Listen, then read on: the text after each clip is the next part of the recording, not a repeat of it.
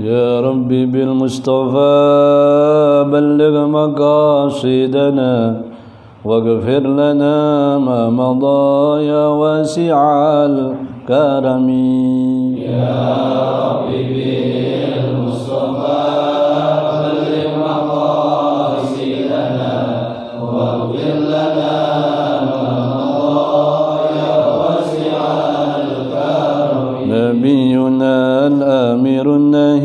فلا أحد أبر في كوننا منه ولا نعم. يا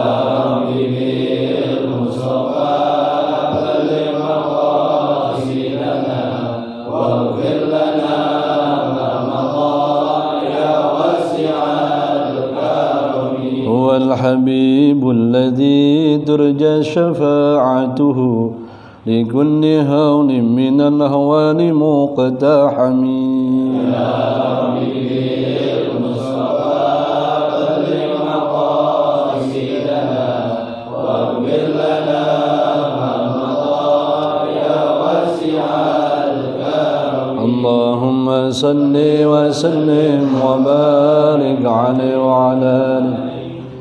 السلام عليكم ورحمة الله وبركاته.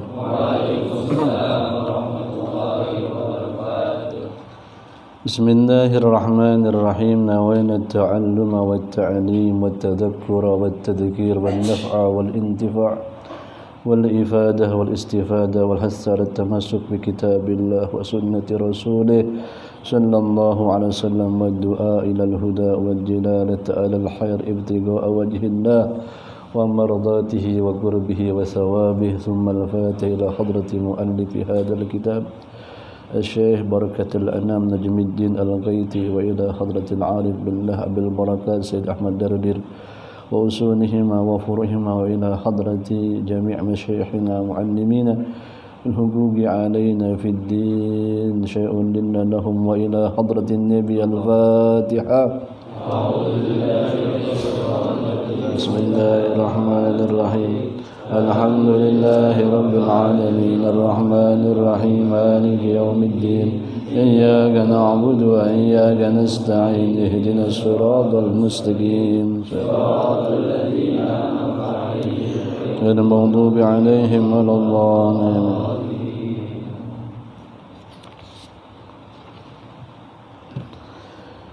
بسم الله الرحمن الرحيم. الحمد لله رب العالمين والصلاة والسلام على سيدنا محمد وعلى آله وصحبه أجمعين. ولا حول ولا قوة إلا بالله العلي العظيم. وبعد سبحانك لا علم لنا إلا ما علمتنا إنك أنت العليم الحكيم. رب اشرح لي صدري ويسر لي أمري واحلل عقدة من لساني يفقه قولي.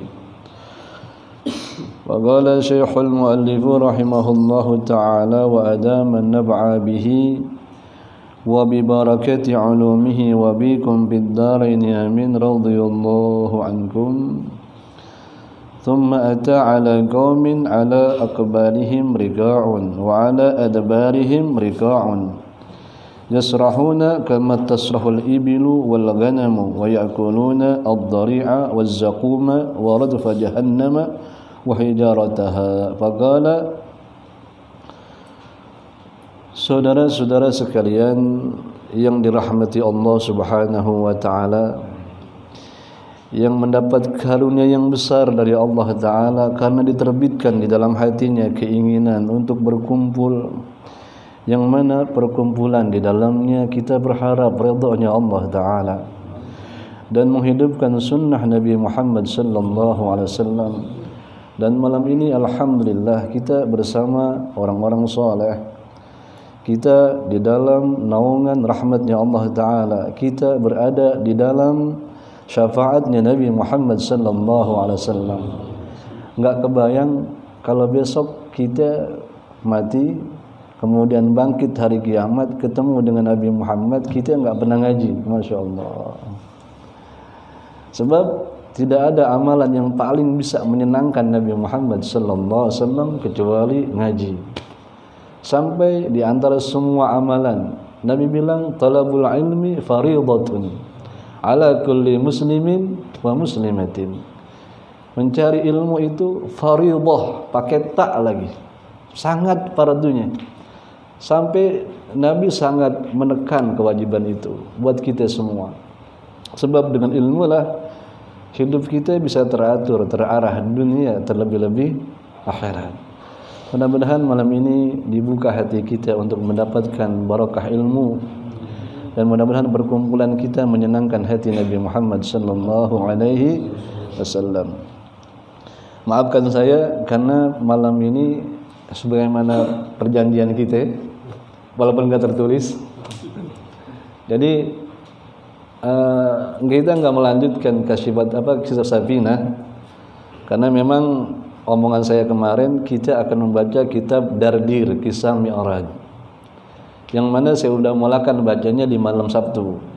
Dan saya berharap malam Selasa kita baca juga karena kitabnya lumayan banyak bacaannya. Kalau nggak saya bagi di madis ini kayaknya nggak kebedag kalau kita orang orang tua kita nggak kebedag gitu ngerti nggak kebedag nggak kecandak makin nggak ngerti. Jadi nggak apa? Nggak bisa kita penuhi ini bacaan. Kita kita akhiri nggak bisa kita hatamkan nggak bisa. Maka saya minta bantuan di malam Selasa minta izin sama beliau. Jadi malam ini kita melanjutkan pembacaan kisah Mi'raj Dardir karena ini penting. Dari apa ayat Al-Qur'an Allah taruh yang paling tengah. Subhanalladzi asra bi'abdihi laylan minal masjidil harami ilal masjidil aqsa alladhi barakna hawlahu linuriyahu min ayatina. Innahu huwas samiul basir. Di juz yang ke-15 di tengah-tengah berarti dia. Dan Allah ceritakan itu bagaimana Allah memperjalankan hambanya Nabi kita Muhammad sallallahu alaihi wasallam di satu malam di tengah malam begitu menjelang subuh udah pulang balik lagi dari Mekah ke Aqsa. Yang kalau kita perjalanan pakai kuda yang tangkas itu 40 hari baru nyampe. Perginya doang pulangnya 40 hari lagi berarti 3 bulan perjalanan. Dan Nabi semalaman aja terus naik ke langit pertama kedua ketiga sampai ke mustawa sampai rafraful akhbar dan itu kayak apa? Dan itu penting kita ceritakan. Dan kenapa? Sebab di dalamnya banyak hikmah. Allah kasih tamthil perumpamaan supaya kita selamat. Supaya kita selamat. Mudah-mudahan ada manfaatnya bagi kita semuanya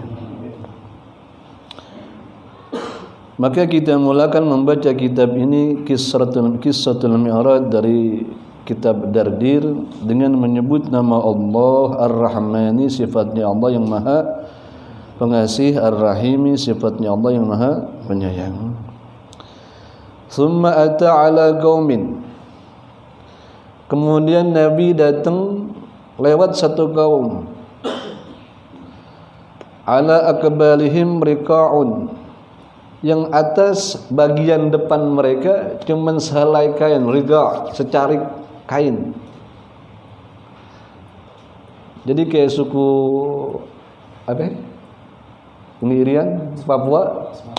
Ya, suku Asmat. Bagian depannya hanya secarik kain. Wa ala adbarihim rigaun dan di bagian belakang mereka juga cuma secarik kain. Masya Allah. Berarti nggak pakai baju. Meleding gitu ya. Cuman bagian depannya ketutup itu, nggak sampai negla banget. Oh negla gelabed.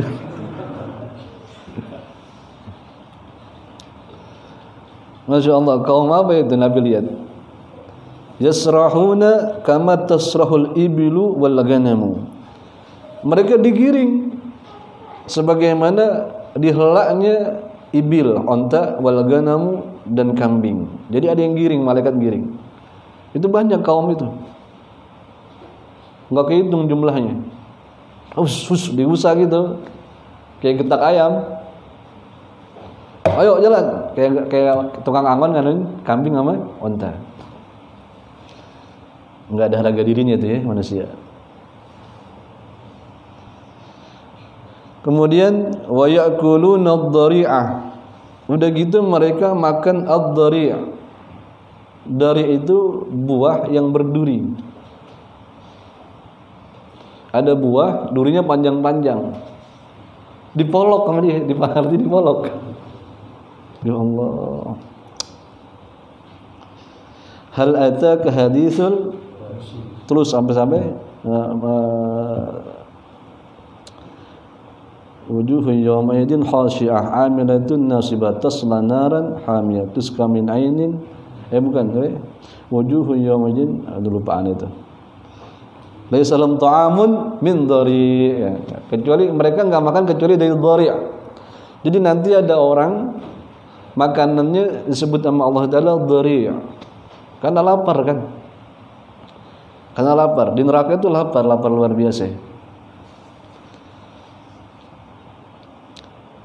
kalau orang lapar sampai jadi gendeng itu kan lapar banget.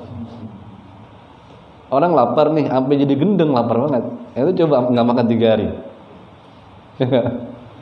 Nggak mau jadi tujuh puyeng. Kalau makan tiga hari.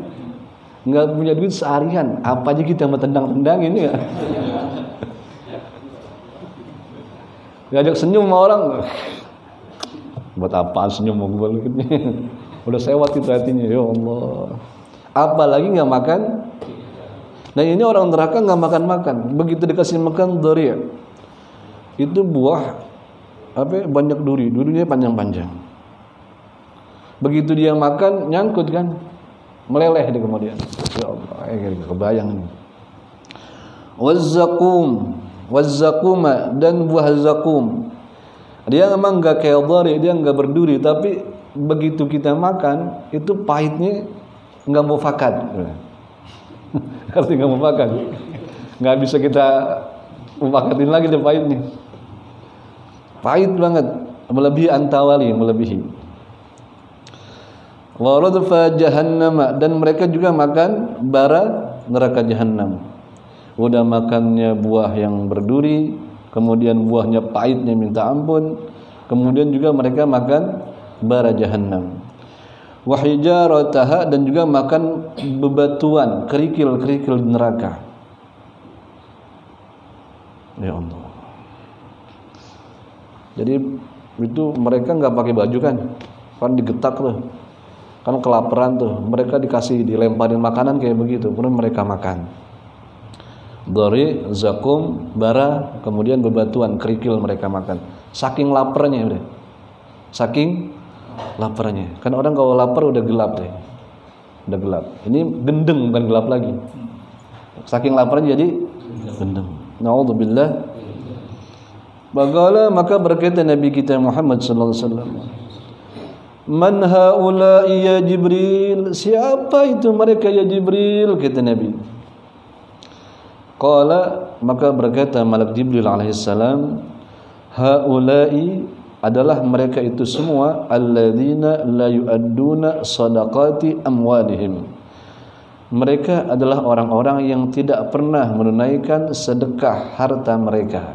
Ya Allah. Ini orang-orang kaya nih yang punya simpenan kemudian mereka menimbun-nimbun harta dan mereka tidak mengeluarkan haknya. Oh, hati-hati saudara, hati-hati. Sebab di antara hamba Allah Ta'ala Anda dipilih dapat harta dengan mudah. Ada saudara Anda dapat harta begitu sulit. Pagi-pagi pulang malam. Kadang mereka nggak pulang-pulang. Mirip Bang Toib Tetap penghasilannya segitu-gitu aja.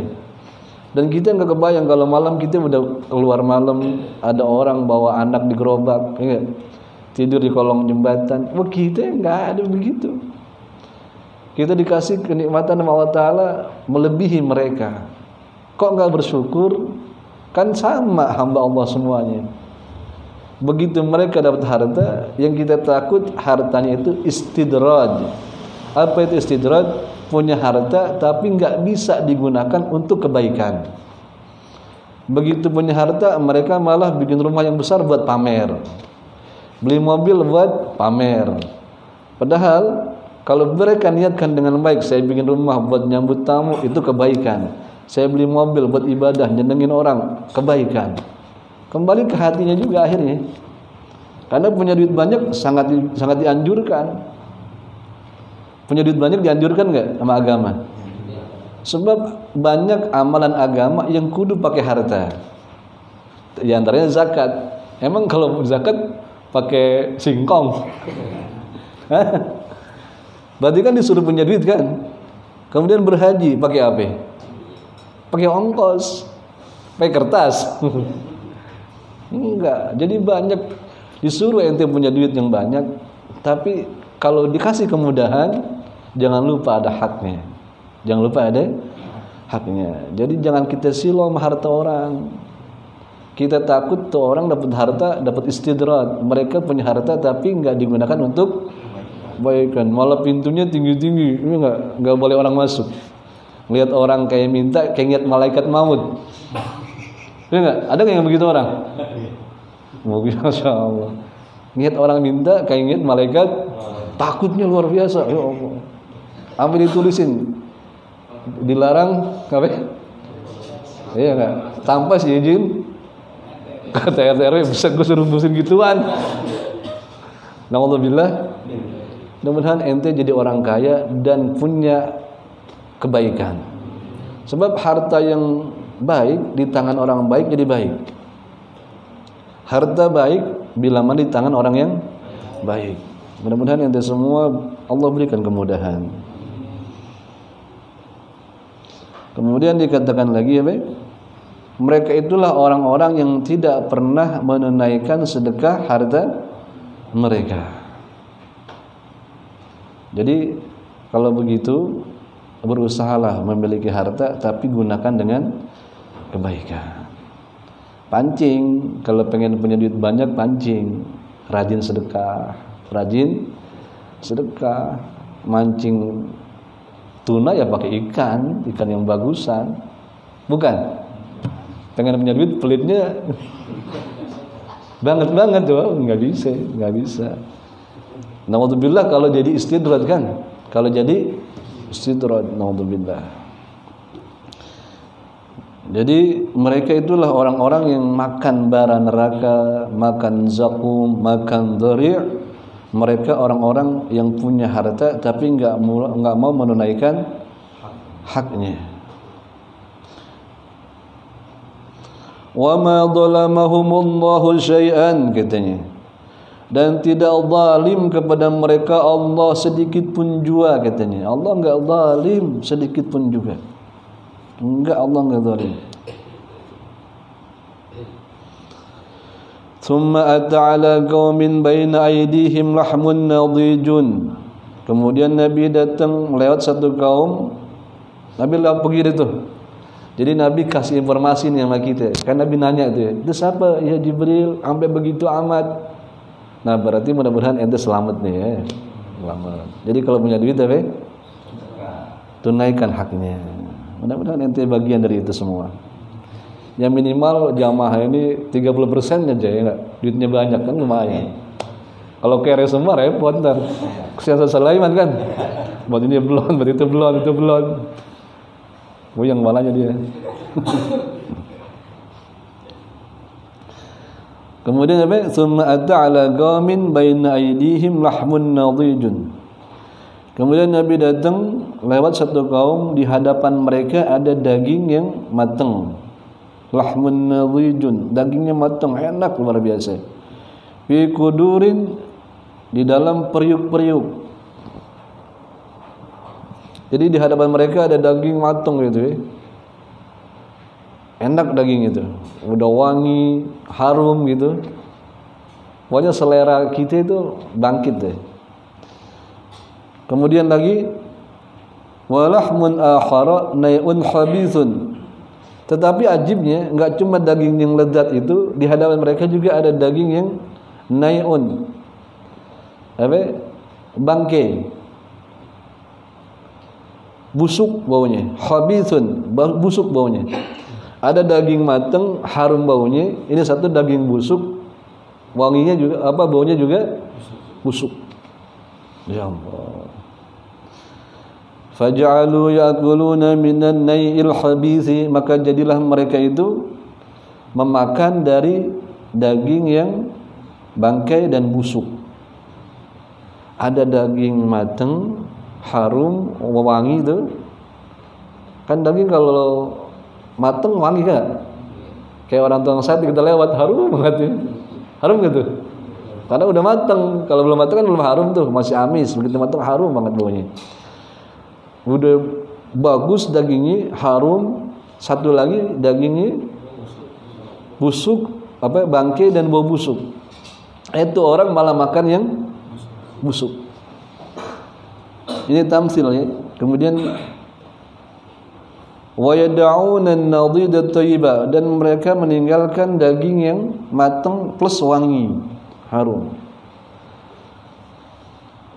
Fagala maka berkata Nabi Ma ya Jibril? Itu apa ini ya Jibril? kata Nabi. Qala maka berkata Jibril hada ar-rajulu min ummatika. Ini seseorang ya Rasulullah dari umat kamu katanya takunu indahu almar'atul halalut tayyibatu. Ada di sisinya perempuan yang halal lagi baik. Itu kan perempuan jadi halal ya gara-gara apa itu? Kita nikahi jadi halal dan dia baik buat kita. Fayati imra'atan khabithatan. Maka mereka mendatangi perempuan yang keji fayabitu indaha maka dia nginep di sisi perempuan itu hatta yusbiha sampai pagi. Jadi ada orang laki-laki dia punya bini halal betul dia malah nyari yang haram.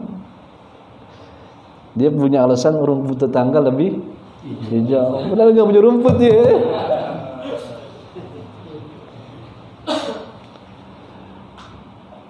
Karena emang cerdasnya setan Cerdasnya setan ya, cerdasnya setan. Dia bisa membungkus sesuatu yang busuk menjadi indah. Setan dari dulu sampai ketipu bapak moyang kita karena dia membungkus kejelekan dengan keindahan. Pokoknya yang jelek semuanya dibikin indah sama setan, sama iblis tuh. Semua yang keji dibungkus sama dia sampai indah. Itulah spesialisnya mereka. Ada orang begitu, ada enggak? Hah? Jadi dia kalau dia bawa bawa bawa niat buruk tapi dia bungkus dengan keindahan dan kebaikan. Ada nggak yang begitu orang? Betul menurut berarti dia itu. Alhamdulillah. Alhamdulillah hati-hati saudara. Sebab itu kerjaan setan. Kata setan, kerjaan gua dipakai. Ani ngalah deh katanya, lalu aja ini. Nauzubillah min dzalik Jadi dia punya yang halal malah coba yang haram. Sampai berzina maksudnya. Nauzubillah min dzalik. Aduh, bagaimana kita ini ya?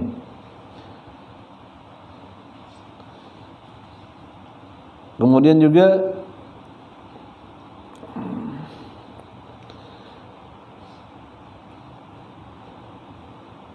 wal mar'atu. Begitu juga ada perempuan taku min indi zawjiha. Yang dia tegak di sisi suaminya. Dia masih milik suaminya.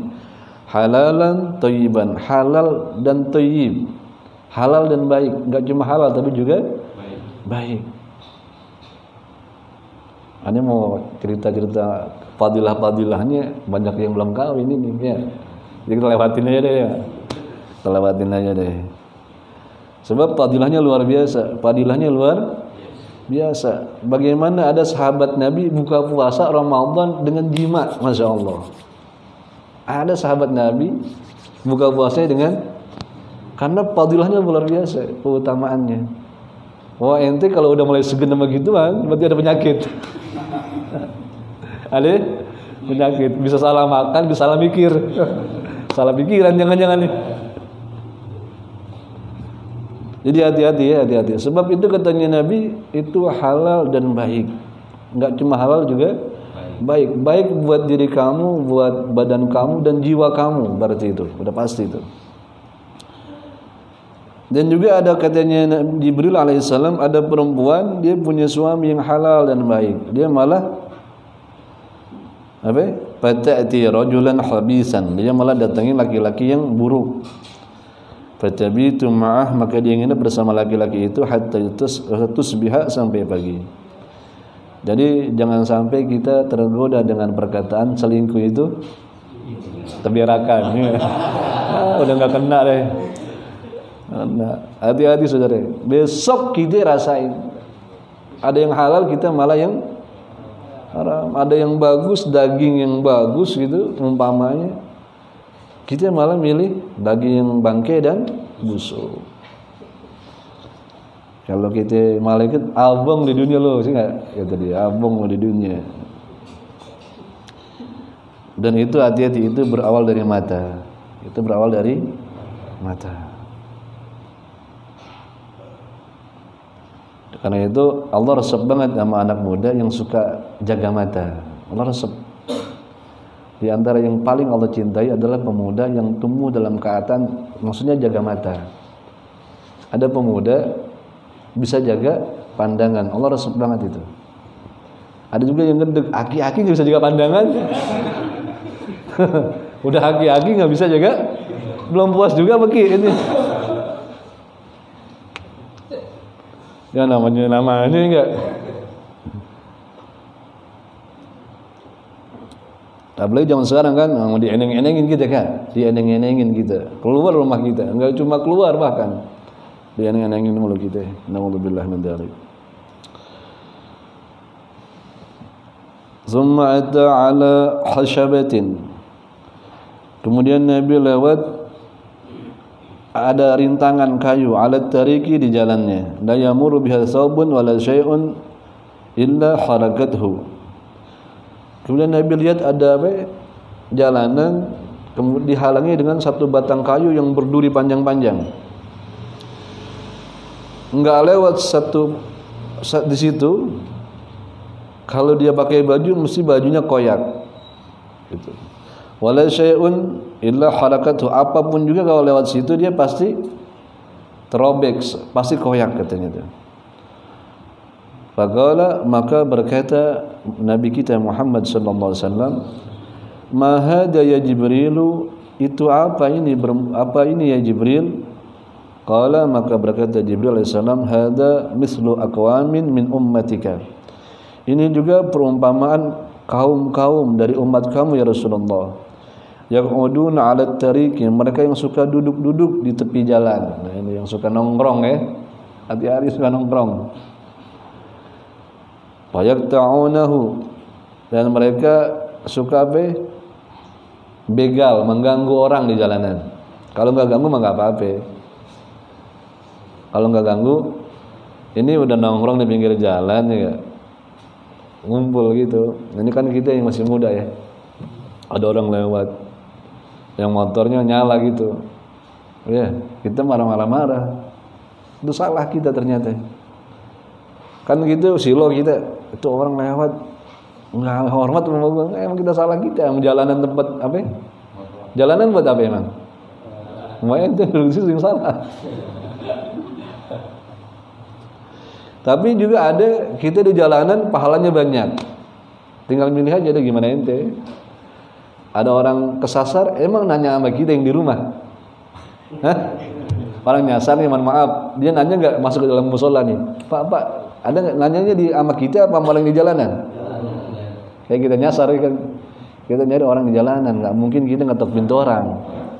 Jadi orang di jalanan juga punya manfaat.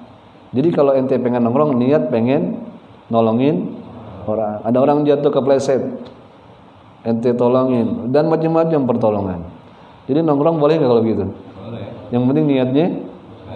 Niatnya baik. Kalau saya niat iktikaf di pinggir jalan gitu.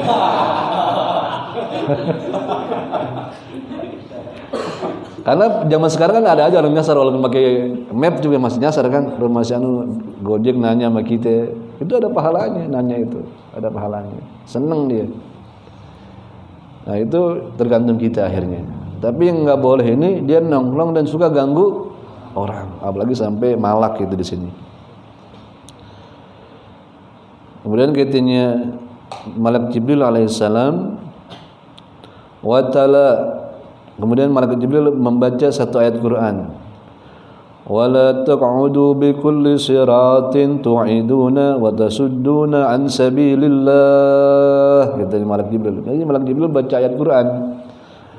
Bahwa dalil wala taq'udu jangan kalian duduk wahai umat bi kulli siratin di pinggir jalan.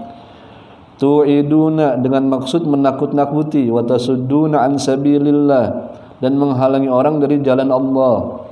Ada orang pengen silaturahim, ada orang pengen begini, malah kita halangin gitu kan. Gara-gara kita nongkrong di pinggir. Bagaimana kalau kita bikin ajaran mager jalan?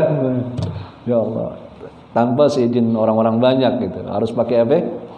Izin orang banyak. Sebab kita takut orang jalan marah-marah sama kita. Minimal tetangga dekat tahu ya. Minimal tetangga dekat Anda pakai jalanan dulu bentar nggak apa-apa, nggak apa-apa pakai aja deh, milik bareng-bareng gitu. Ya. Yang penting kita cari alternatif jalan lain. Sebab dilarang di sini tuh.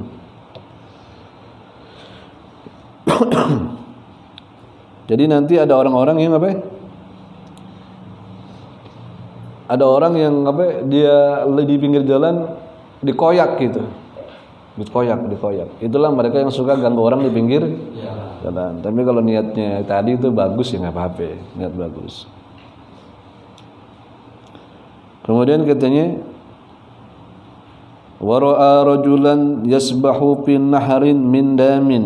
Dan Nabi juga melihat satu orang berenang di sungai yang airnya dari darah jadi Nabi melihat ada orang berenang di kali, lebar kalinya tapi airnya darah gitu. Yalqamul hijarata bahkan enggak cuma apa menyelam berenang di air darah itu, mereka juga nelen batu. Udah berenang di air di darah, dia nelen batu. Ya Allah, orang apa ini katanya? Kita berenang di air kotor yang enak ya. Enak gak? Di kolam renang aja yang kaporit yang belum diganti-ganti gitu rasanya gak enak tuh ya. Gak enak. Ini di darah. Udah berenang di darah, dia makan batu itu. Makan batu. Ditelan batu sama dia. Ya Allah. Faqala maka berkata Nabi kita Muhammad sallallahu alaihi wasallam, "Ma ya Jibrilu apa ini ya Jibril? Kata Nabi. Kala maka berkata Jibril Hada mislu akilir riba. Ini perumpamaan orang yang suka makan riba. Naudzubillah Hati-hati ya. Jangan sampai kegoda. Jangan sampai kegoda. Sebab tamsilnya nggak enak. Berenang di sungai Darah. Disuruh makan batu. Nggak enak Mudah-mudahan Allah pelihara diri kita dari riba. Kalau pernah ya kita taubat deh sebelum kita kematian kita. Summa ata ala rajulin qad jama'a huzmata hatabin. Kemudian Nabi juga lewat lewati satu orang, dia dia ngumpulin kayu bakar. Ada yastati'u hamlaha, yang dia enggak mampu memikulnya. Wa huwa yazidu 'alaiha dan malah dia menambah atasnya. Jadi ada orang nyaru kayu gitu nyari kayu dikumpulin. Udah dikumpulin diangkat nggak kuat. Kalau kita orang kita tememe gitu ya. Begitu diangkat nggak kuat. Eh bukan malah diringanin malah ditambahin. Kalau kita bahasa dia bocah ya begitu dah lagunya ya. Itu bukan malah dikurangin malah ditambahin dan merusak badannya akhirnya. Faqala maka Berkata Nabi kita Muhammad sallallahu alaihi wasallam, "Ma hadha ya Jibril?" Apa ini ya Jibril? Qala maka berkata Jibril, "Hadzal rajulu min ummatika." Ini adalah seseorang dari umat kamu ya Rasulullah. Takunu indahu amanatin amanatun nasi. Ada padanya amanat-amanat orang lain. La yaqdiru ala adaiha yang dia enggak mampu untuk menunaikannya wa yazidu ayatahammal alaiha malah dia kepengen nambahin beban atasnya. Jadi ada orang yang suka megang urusan orang banyak gitu ya. Dia nggak bisa dia berkhianat tapi bukan malah bukan malah apa bener dia malah pengen nambah gitu. Duit orang dikumpulin segala macam. Dia sebenarnya nggak mampu karena suka apa suka diambil tanpa semutan orang gitu tapi bukannya dia malah tobat dia malah ngajak makin banyak. Waliyadzubillah nanti dia begitu tuh. Nanti dia begitu. Terakhir. Jadi ini tamsil ini pasti kejadian saudara. Pasti kejadian. Sebab Nabi melewati udah dimensi Nabi saat itu sudah tidak ada dimensi ruang dan waktu. Udah nggak ada lagi Nabi Nabi melewati semua hal semua dimensi ruang dan waktu. Kalau kita kan dimensi ruang waktu kita masih kental. Kita bisa ada di sini saat ini nggak mungkin kita bisa ada di rumah juga nggak mungkin. Sebab dimensi kita masih seperti ini. Tapi ada orang-orang yang dimensinya udah sudah melampau itu semuanya dengan izin Allah Ta'ala. Yang sedang diakalin sama orang-orang pinter kan? Yang apa perjalanan waktu mereka sedang meneliti itu belum berhasil hasil belum belum sebab ada di zaman dulu orang bisa Asib bin Barhia temannya Nabi Sulaiman bisa Kemudian melewati perjalanan dimensi ruang dan waktu. Bagaimana istana Balkis bisa pindah dalam sekejap mata? Kan nggak mungkin. Ente di sini, besok apa di saat yang sama ente ada di tempat lain. Kan itu nggak mungkin. Tapi ada orang bisa dimensi ruang dan waktunya udah. Buat Nabi apalagi kecintaan Allah Taala buat Nabi apa yang enggak? Dan Nabi dilihat nanti ini umatmu ada yang begini ya Rasulullah. Ada yang dia nggak mampu ngangkat beban, bukan malah dikurangin, malah pengen nambah sama dia. Padahal ya nggak mampu. Mereka itu adalah orang suka megang urusan orang, nggak mampu, tapi malah pengen nambah. Naudzubillah. Hati-hati.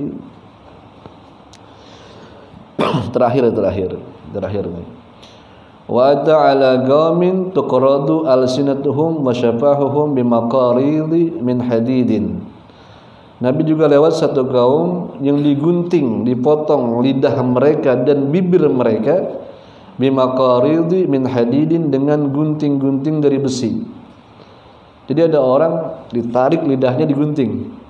Bibirnya juga digunting. Kullama quridat adat kama kanat. Tiap kali digunting kembali itu lisan dan bibir kama kanat seperti apa yang adalah ia. Balik lagi gitu. Digunting balik lagi. Emang nggak sakit digunting gitu? Sakit nggak? Ente pernah makan lidah kegigit pernah belum? Eh? Sakit nggak? Wah Allah masya Allah gitu. Ini digunting, tarik gunting. Sakit gak tuh? Bayangannya segan gitu ya. Ada orang begitu digunting, tarik gunting, lidah bibirnya ditarik digunting. La yabturu anhum. Enggak pernah berhenti begitu aja ini. Enggak ada hentinya, begitu aja. Faqala maka Nabi berkata, "Man haula'i ya Jibril? Siapa mereka ya Jibril?"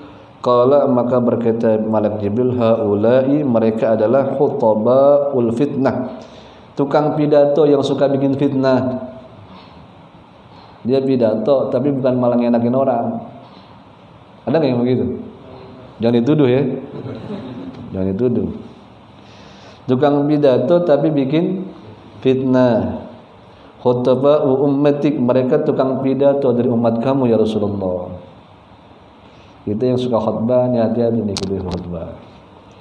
Yaquluna ma la yaf'alun mereka berkata tentang apa yang mereka enggak pernah lakukan. Nyuruh orang meninggalkan maksiat, dia nyemplung ke situ. Mengajak orang apa? Berbuat baik dia enggak pernah kerjakan. Minimal sekali kek, dia kagak gitu. Calo ya. Calo. Jadi nanti nanti tukang pidato ngerinya begitu tukang pidato. Ya, hati-hati. Mudah-mudahan Allah akan taufik hidayah buat kita semuanya. Antum jadi tukang pidato tapi ngajak orang kebaikan dan Allah puji. Allah puji. man ahsanu qawlan mimman da'a ilallah. Enggak ada yang paling bagus ucapan orang kecuali dia ngajak kepada Allah. Sampai Allah puji, enggak ada ucapan yang paling baik kecuali orang yang kalau ngomong ngajak kepada Allah. Jadi gitu ngomong ingat Allah, ingat hukum Allah, takut kepada Allah. Tapi ada orang ngomong bikin fitnah. Padahal juga apa? Enggak ngerti apa-apa. Nauzubillah yang tadi. Mudah-mudahan kita jadikan orang-orang yang lisan kita baik, berkata baik, suka mengajak orang ke jalan Allah. Paling tidak WA ya enggak? Paling tidak WA ngajak ngaji. Kita baca Fatihah, kita mohon kepada Allah taala mudah-mudahan orang-orang sakit di antara kita Allah sehatkan dan yang masih punya urusan yang banyak semoga Allah mudahkan urusannya bisa beres urusannya dan mudah-mudahan uh, hajat-hajat kita dunia akhirat Allah mudahkan. Al-Fatihah. Bismillahirrahmanirrahim. Alhamdulillahirabbil alamin arrahmanir rahim maliki yaumiddin. Iyyaka na'budu wa iyyaka nasta'in ihdinas siratal mustaqim siratal ladzina an'amta 'alaihim ghairil maghdubi 'alaihim waladdallin. Lumayan ini bacaan kita insyaallah Malam kelas Sabtu kita lanjutin, Selasa kita lanjutin juga. Karena ini bulan apa? Bulan Rajab ya. Insyaallah Kamisnya kita Isra dan Mi'raj. يا ربنا اعترفنا بأننا ترى